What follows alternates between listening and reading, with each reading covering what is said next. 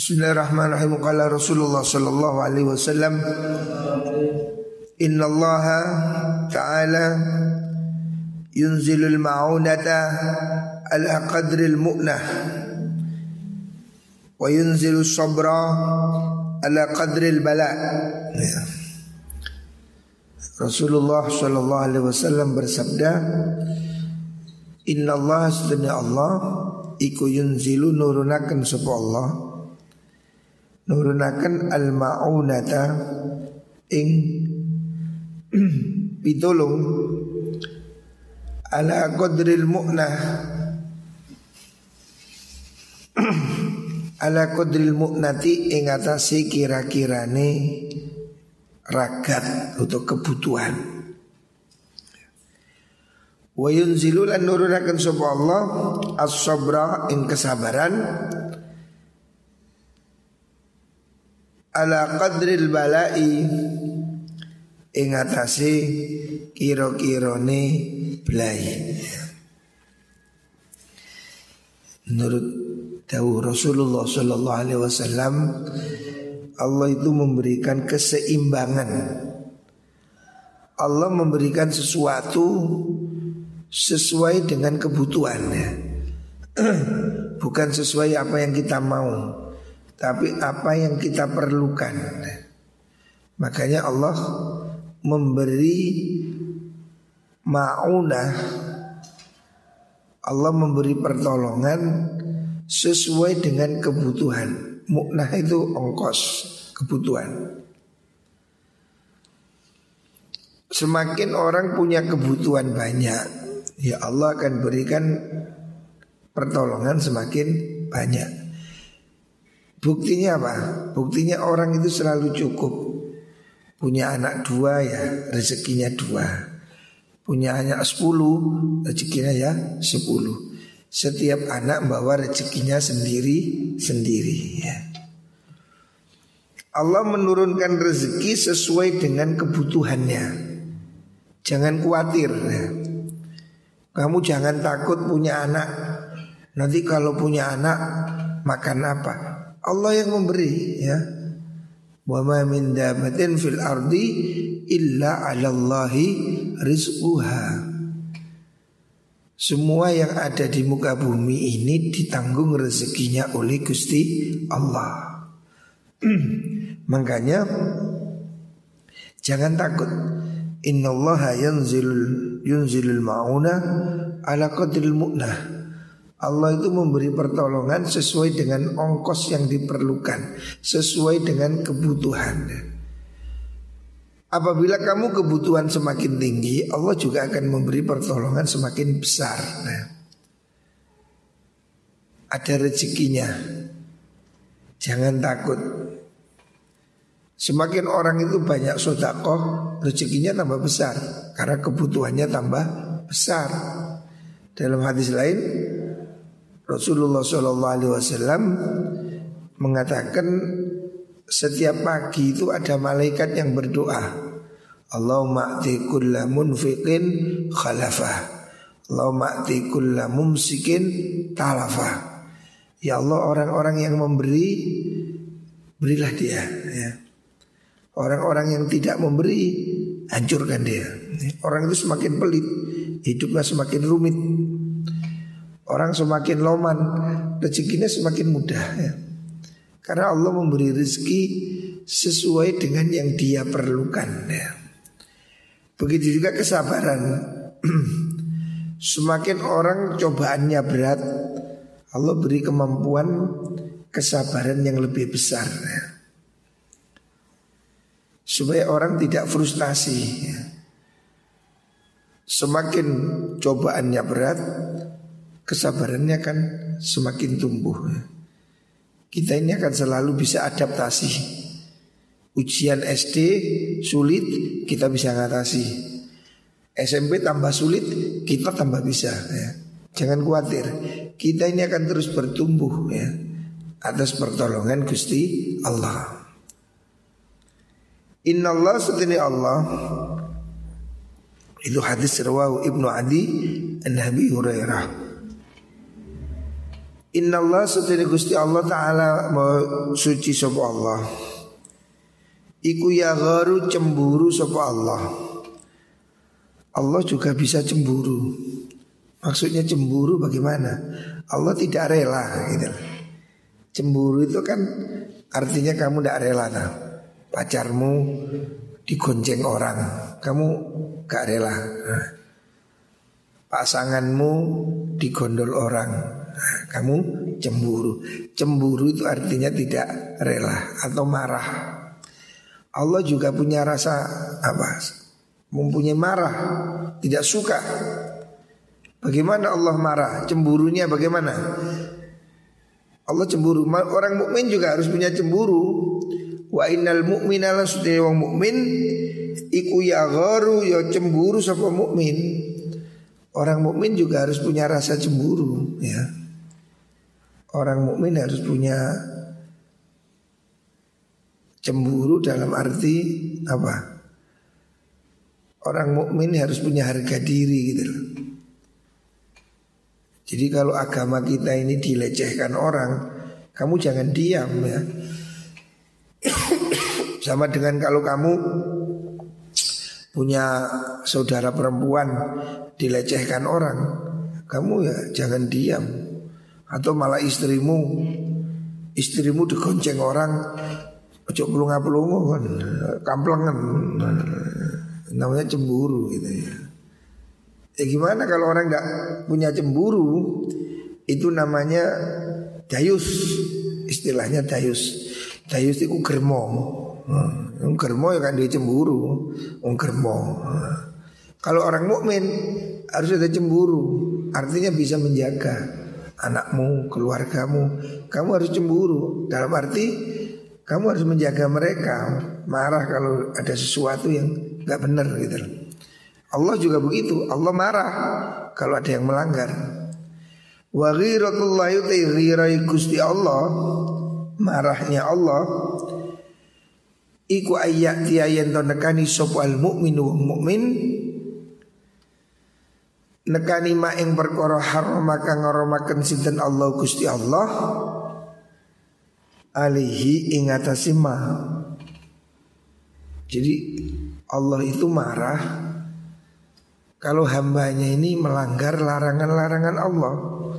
Sama dengan kamu marah kalau kekasihmu diganggu orang kamu marah. Dan kamu berhak marah ya. Tapi jangan ngamuk marah itu boleh lah Allah juga akan marah kalau ada orang melanggar apa yang tidak diperbolehkan oleh Allah. Rawahu wa innahu Innahu sunni kelakuan iku layat khulu ora bakal mlebu al jannata ing swarga sapa illa nafsun angin awa-awaan seseorang muslimatun kang Islam. Tidak akan masuk surga kecuali orang-orang yang muslim. Rawal Bukhari wa Muslim an Nabi Hurairah. Inna Allah la yu'ayyidu hadha ad-dina bi rajulil fajiri. Inna Allah sudani Allah iku la yu'ayyidu yakti bakal nguatakan sop Allah hadatina ing ikil agama birrajuli kelawan wong lanang al fajiri kang lacut. Ini sebetulnya hadis ini salah sambung ya. Hadis atas itu mestinya sambung dengan bawahnya ini riwayat Imam Muslim.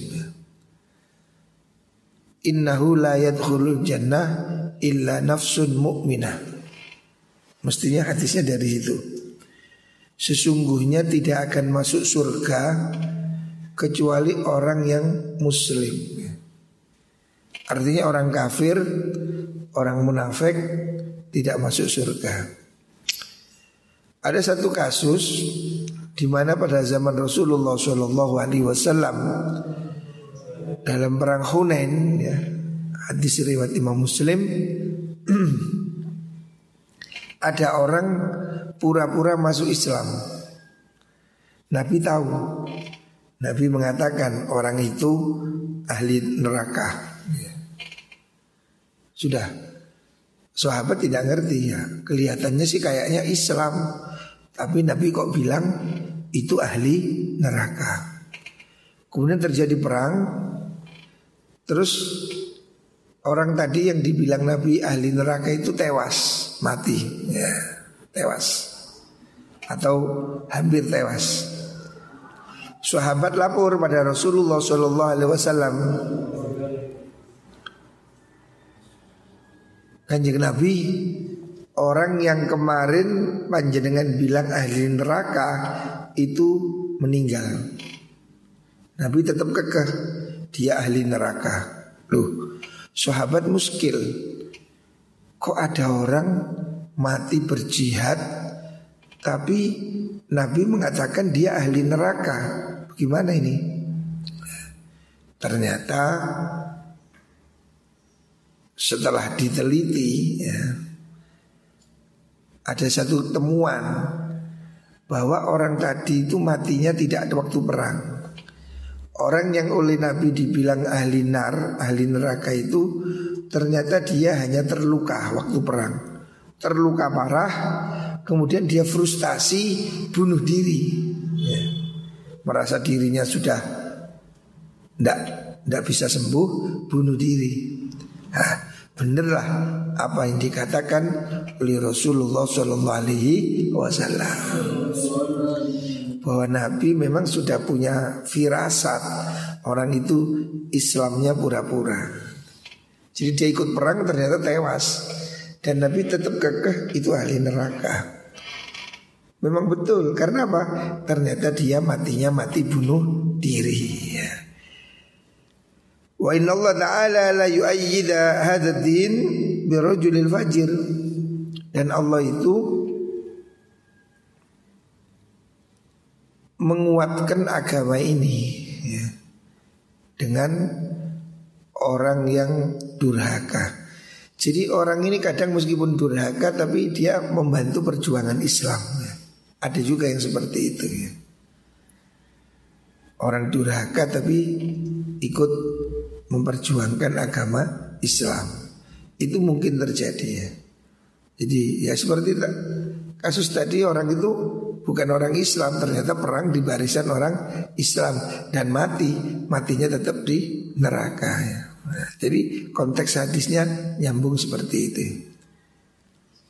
Dan itu pada zaman dahulu juga terjadi seperti ini ada istilah pasukan non muslim itu ikut perang dengan barisan muslim. Terkadang orang Islam itu perlu berkoalisi dengan non muslim ya. Pada tahap tertentu, pada tahap tertentu. Dan itu pernah terjadi ya. Pada zaman Rasulullah Wasallam Rasulullah pernah meminjam baju perang perlengkapan perang dari Sofwan bin Umayyah itu non muslim ya untuk memerangi kaum Hawazin. Nah, jadi pernah terjadi juga pasukan Islam ini minta bantuan pasukan non Muslim. Ya. Itu tidak apa-apa gitu. Selama tidak ada urusan akidah. Ya. Rojulil fajir ini bisa jadi muslim ataupun kafir ya.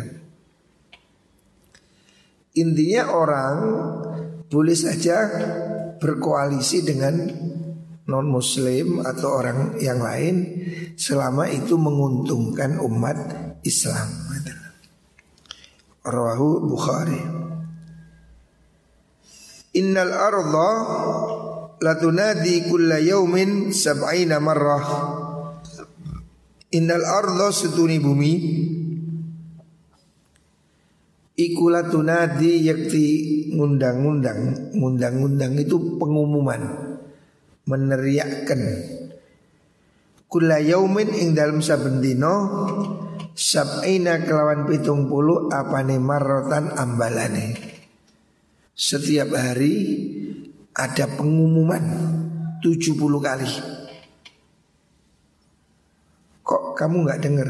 Yang dengar malaikat Kita tidak dengar Tapi ada pengumuman dari makhluk yang kita tidak dengar Yaitu dari bumi Bumi ini setiap hari berkata setiap hari bumi berbicara Walaupun mungkin kita tidak mendengar Mengatakan apa? Ya Bani Adam, wahai anak Adam Wahai manusia Kulu Mangano sirokabe Ma ing berkoro siktum kang karep sirokabe Wahai manusia silahkan kamu makan sesukamu Wastahitum kang kepingin kabeh. Apa pun yang kamu inginkan silakan dimakan. Mau rawon, mau soto, gule, bakso, rujak. Kamu boleh makan apa saja. Silahkan kamu manusia hidup ini makan selera-selera kamu.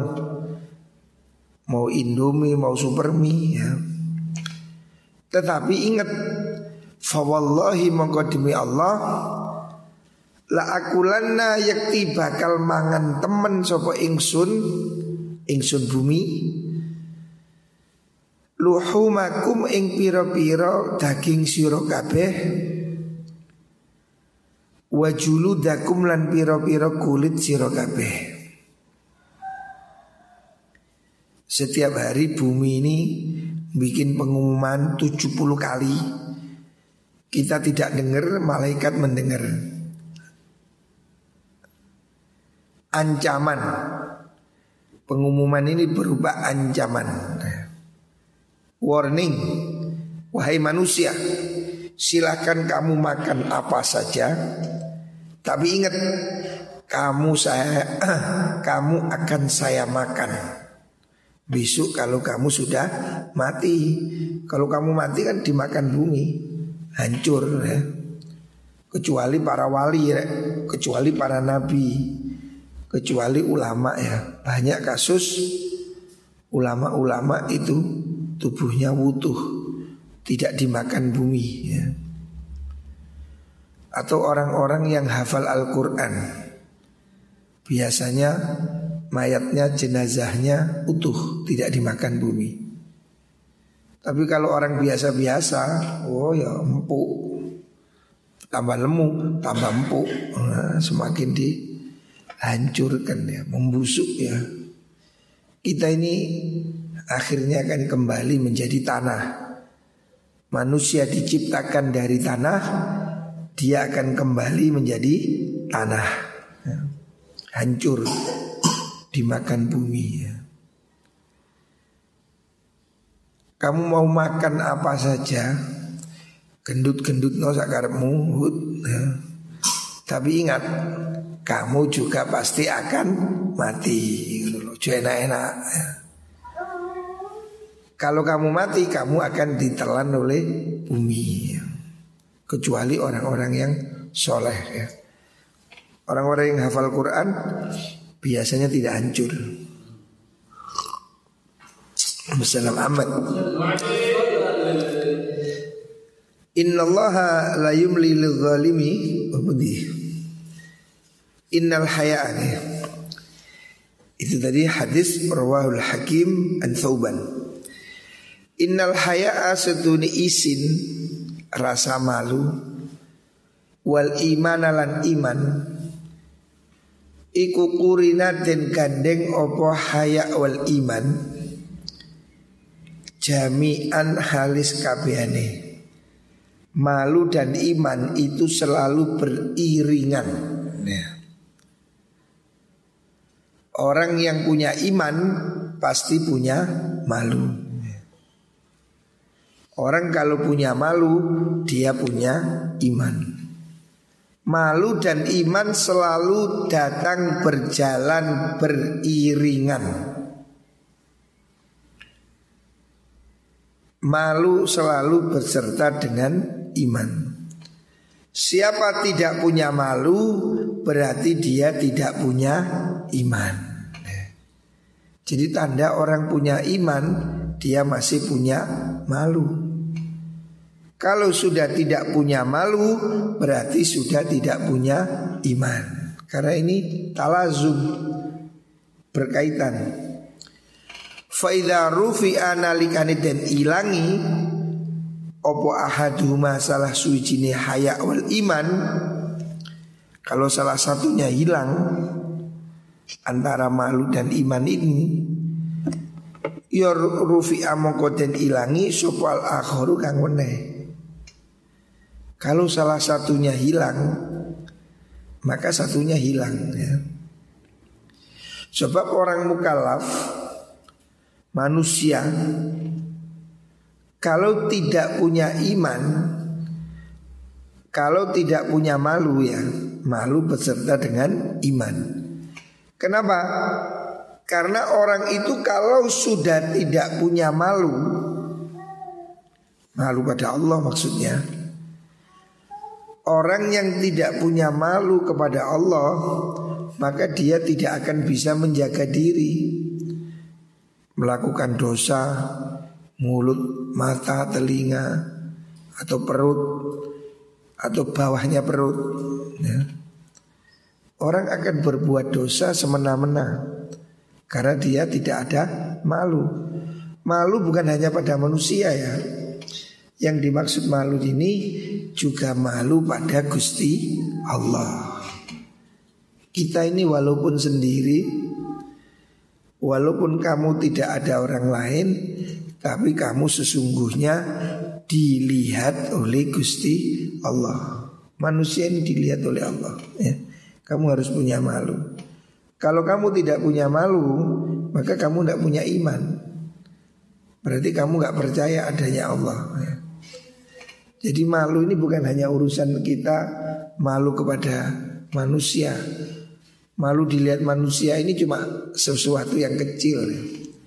Yang lebih penting yaitu malu dilihat oleh Gusti Allah. Kalau kamu tidak punya malu Ya kamu tidak punya iman. Sebab kalau kamu punya iman Kalau kamu percaya Allah melihat kamu Kamu pasti malu berbuat dosa Karena kamu sedang dilihat oleh Gusti Allah. Kalau di depan orang kamu kan malu telanjang. Mau dilihat orang. Lah kamu dilihat Allah. Jangan sembarangan.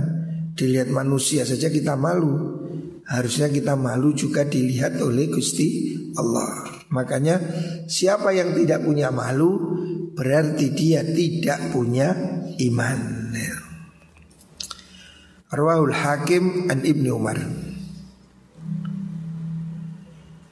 Inna dina yusrun Wala yushaddad dina ahadun illa ghalabah Inna dina setuni agama Islam. Agama yang kita anut ini Iku yusrun gampang Agama Islam ini mudah ya. Jangan dibuat sulit agama Islam ini agama normal, agama yang bagus, tidak sulit ya. Allah tidak mempersulit kamu sholat berdiri, nggak kuat duduk, nggak kuat duduk tidur, enak kan? Kamu harus puasa, nggak kuat mokel, kodok, enteng. Agama ini enteng, mudah. Wala dalan orang ngabot-ngebotaken adina ing agama sapa ahadun wong suwiji illa ghalabahu angin ngalahaken apa mengkuno din hu ing ahad. Kalau ada orang mempersulit dirinya pasti dia kalah. Pasti dia akan kembali ke yang mudah itu ya. orang ngoyo-ngoyo capek juga dia ya. Wong agama ini enteng nggak usah ngoyo. Sholat subuh loro, nggak usah kon ngoyo. Saya mau sholat subuh 30 Mendem kan. Tidak usah lah repot-repot ya Agama ini enteng ya Jangan dibuat sulit itu. Fasad didu mongko gawe sedengan sapa sira kabeh. Hendaknya kamu itu sederhana ya. Sedeng-sedeng aja. Jangan terlalu ngoyo. Wae sholat, sholat. Wae mangan, mangan. Wae turu, turu. Ojo makso ya. Allah tidak ingin kamu itu makso normal aja ya. Waktunya tidur tidur. Jangan semalam suntuk nggak tidur, ngapain? Ya. Jangan menyiksa dirimu. Malam hari tidur tidur aja. Wong kanjeng Nabi juga tidur. Ojo melean, bengi aku tirakat melean. Laopo turu Tidur aja, enak turu oleh ketek. Malam segera tidur, pagi segera bangun. Ini sehat ya. Kepingin rabi, rabi yo. Ojo terus jempet, suwe-suwe jadi aki, mengkristal. Wae rabi-rabi yo, ojo repot-repot wis. Jangan kamu tahan-tahan. Wah, tadi udut malah repot kan. Agama ini mudah ya. Bikin yang sedang-sedang aja.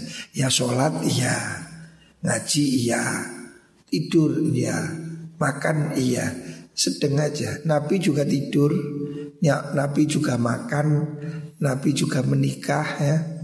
Bikin sesuatu sedang ya. Karibu gawiyo park siro kabeh bikinkan pendekatan ya. Jangan terlalu ideal. Memang ideal ya hebat satu hari hatam satu kali hebat. Tapi ya berat kan. Bikin yang terdekat aja lah. Sholat duha tidak kuat 8 rakaat, ya 4 rakaat gitu lah. Tahajud tidak kuat 11 rakaat, 5 cukup gitu. Bikin pendekatannya aja, jangan terlalu sempurna. Kamu sulit. Kan?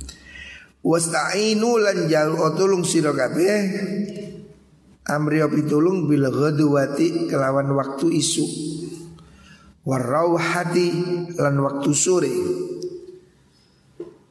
wa syai'in lan suwici-wici minat dal jati saking waktu akhire wengi dalja itu waktu sahur itu ya. Maksudnya hendaknya kamu itu berusaha istainu bila ghadwah. Berusahalah kamu untuk beribadah istiqomah dalam waktu-waktu yang masih fresh. Waktu yang masih seger bila ghadwah, waktu pagi. Subuh-subuh ini kan sehat kan fresh. Kalau kamu tadi malam tidur, hari ini fresh. Gue sih ngantuk itu melean mas. Kalau kamu tadi malam tidur, sekarang pasti fresh. Ya. Pagi pasti sehat. Makanya Nabi mengatakan istainu bil ghadwa. Hendaknya kamu berusaha melakukan ibadah di waktu yang pagi, yang segar. Warauha waktu sore longgar ya. Makanya wiritan biasanya dilakukan pagi dan sore Kan pagi ini longgar, pagi bangun tidur fresh. Kamu pagi bangun jam 3 Tahajud, baca Quran, baca wirid, baca zikir. Enak kan, longgar. Tangiyo. Wa syai'in minat duljah. Dan waktu yang waktu gelap yang terakhir. Durjah itu waktu sahur. Hendaknya kamu berusaha bangun lebih pagi ya. Jadi hadis ini mengajari kita semua supaya beribadah dengan sederhana ya. Beribadah nggak usah ngoyo-ngoyo ya. Jangan terlalu diforsir. Jangan kamu sholat 125 rakaat. Ya anu ya bungkuk sembayang be jamu pegelinu ya. Jangan terlalu ngoyo ya. Kamu tidak perlu sholat sehari semalam ya. Kamu tidak harus baca Quran 24 jam. Jangan ngoyo-ngoyo ya. Jangan terlalu diforsir ya. Tetapi kamu cukup ngambil waktu-waktu yang longgar.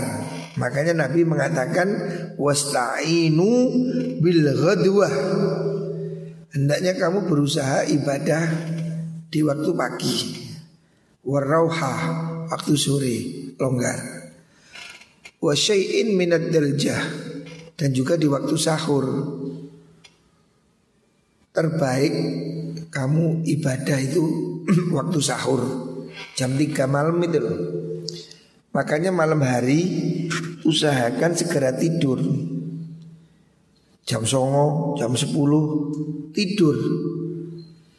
Kunci hidup sehat itu segera tidur. Pagi segera bangun. Ini kunci hidup sehat. Nabi juga memerintah demikian Wasta'inu bisyai'im minatul jah Hendaknya kamu berusaha bangun pagi ya. Bekerjalah kamu, beribadahlah kamu dengan sederhana. Jangan terlalu ngoyo ya. Kamu tidak usah sholat 24 jam Kamu nggak usah tirakat 24 jam Gunakan waktumu efektif Pagi bangun Sebelum subuh Tahajud Baca Quran Zikir Istighfar Sholat subuh Ngaji. Setelah itu kerja. Ojo bengi gak turu Mari subuh Melungker Sampai zuhur. Kayak kucing. Bengi melek isu turu Itu tidak sehat. Ya. Yang sehat pagi itu bangun. Malam tidur ya Supaya kamu ini bisa ibadah dengan tenang. Kalau kamu tadi malam segera tidur Pasti pagi ini sehat Sembayang Jamaah Baca Quran Enak gitu loh Jadi waktu malam Pagi hari Sore hari ya Itu cara supaya kita Menggunakan waktu secara efektif ya. Waya nyambut gawe nyambut gawe. Uco waya nyambut gawe wiritan. Tadi dukun kan nah. Waya nyambut gawe Nyambut gawe. Waktunya kerja Kerja. Waktunya tidur Tidur. Waktunya makan Makan. Waktunya sembayang Ya sembayang. Jadi hiduplah normal. Jangan terlalu ngoyo Supaya kamu bisa hidup normal Kamu harus bisa membagi waktu ya. Kata kuncinya itu pengaturan kamu istirahat ya. Tidur itu tidak harus lama Tapi berkualitas Malam Wis buat handphonemu buat Yang membuat kamu nggak tidur-tidur itu Chatting Main game ya, Itu membuat kamu nggak bisa tidur sehingga kamu tidurnya tidak berkualitas. Kak turu-turu. Jam telu kayak turu. Subuh gak kuat melek. Mari subuh turu. Kak sekolah Kak ngaji Kak nyambut gawe. Hancur sudah. Ini kebiasaan jelek ya. Kamu harus mengubah. Malam hari Matikan handphonemu. Atau kalau kalau mau setelan Quran. Orang itu kalau mau tidur nyetel Quran mesti yang turu. Setelan Quran turu. Setelan musik gede-gede gak turu-turu. Nah, kata turu sojo ndelok YouTube ya. Jangan kamu kecanduan handphone. Kalau mau tidur matikan handphonemu. Maksimal nyetel Quran ya. Ini terutama anak-anak yang di belakang itu. Sudah sering saya ingatkan Bahaya anak kecil-kecil itu jangan pegang handphone. Sudah ada kasus kebutaan, buta ya. Anak kecil, anak umur 2 tahun, 3 tahun di bawah 7 tahun Tidak boleh pegang handphone, tidak boleh Saraf matanya bisa rusak ya. Jangan memanja anak kecil dengan handphone Itu bahaya Malam segera tidur Pagi segera bangun Ini hidup sehat kalau kamu malam hari tidur, pagi kerja gak ngantuk ya. Ngaji, jemaah, kerja, sehat. Jadi kata kuncinya mengatur jadwal tidur. Malam hari segera tidur, pagi bangun. Siang kalau bisa tidur sebentar ya. Setelah zuhur atau sebelum zuhur tidur sebentar. Supaya malam hari kamu bisa bangun. Nah, jadi tidurnya itu dibagi dua. Malam tidur, siang tidur sedikit. Walaupun setengah jam ya. Namanya kailulah, tidur siang sedikit. Supaya malam bisa bangun ya. Begini caranya. Muka-muka kita diberi kesehatan oleh Allah subhanahu wa ta'ala. Kekuatan lahir batin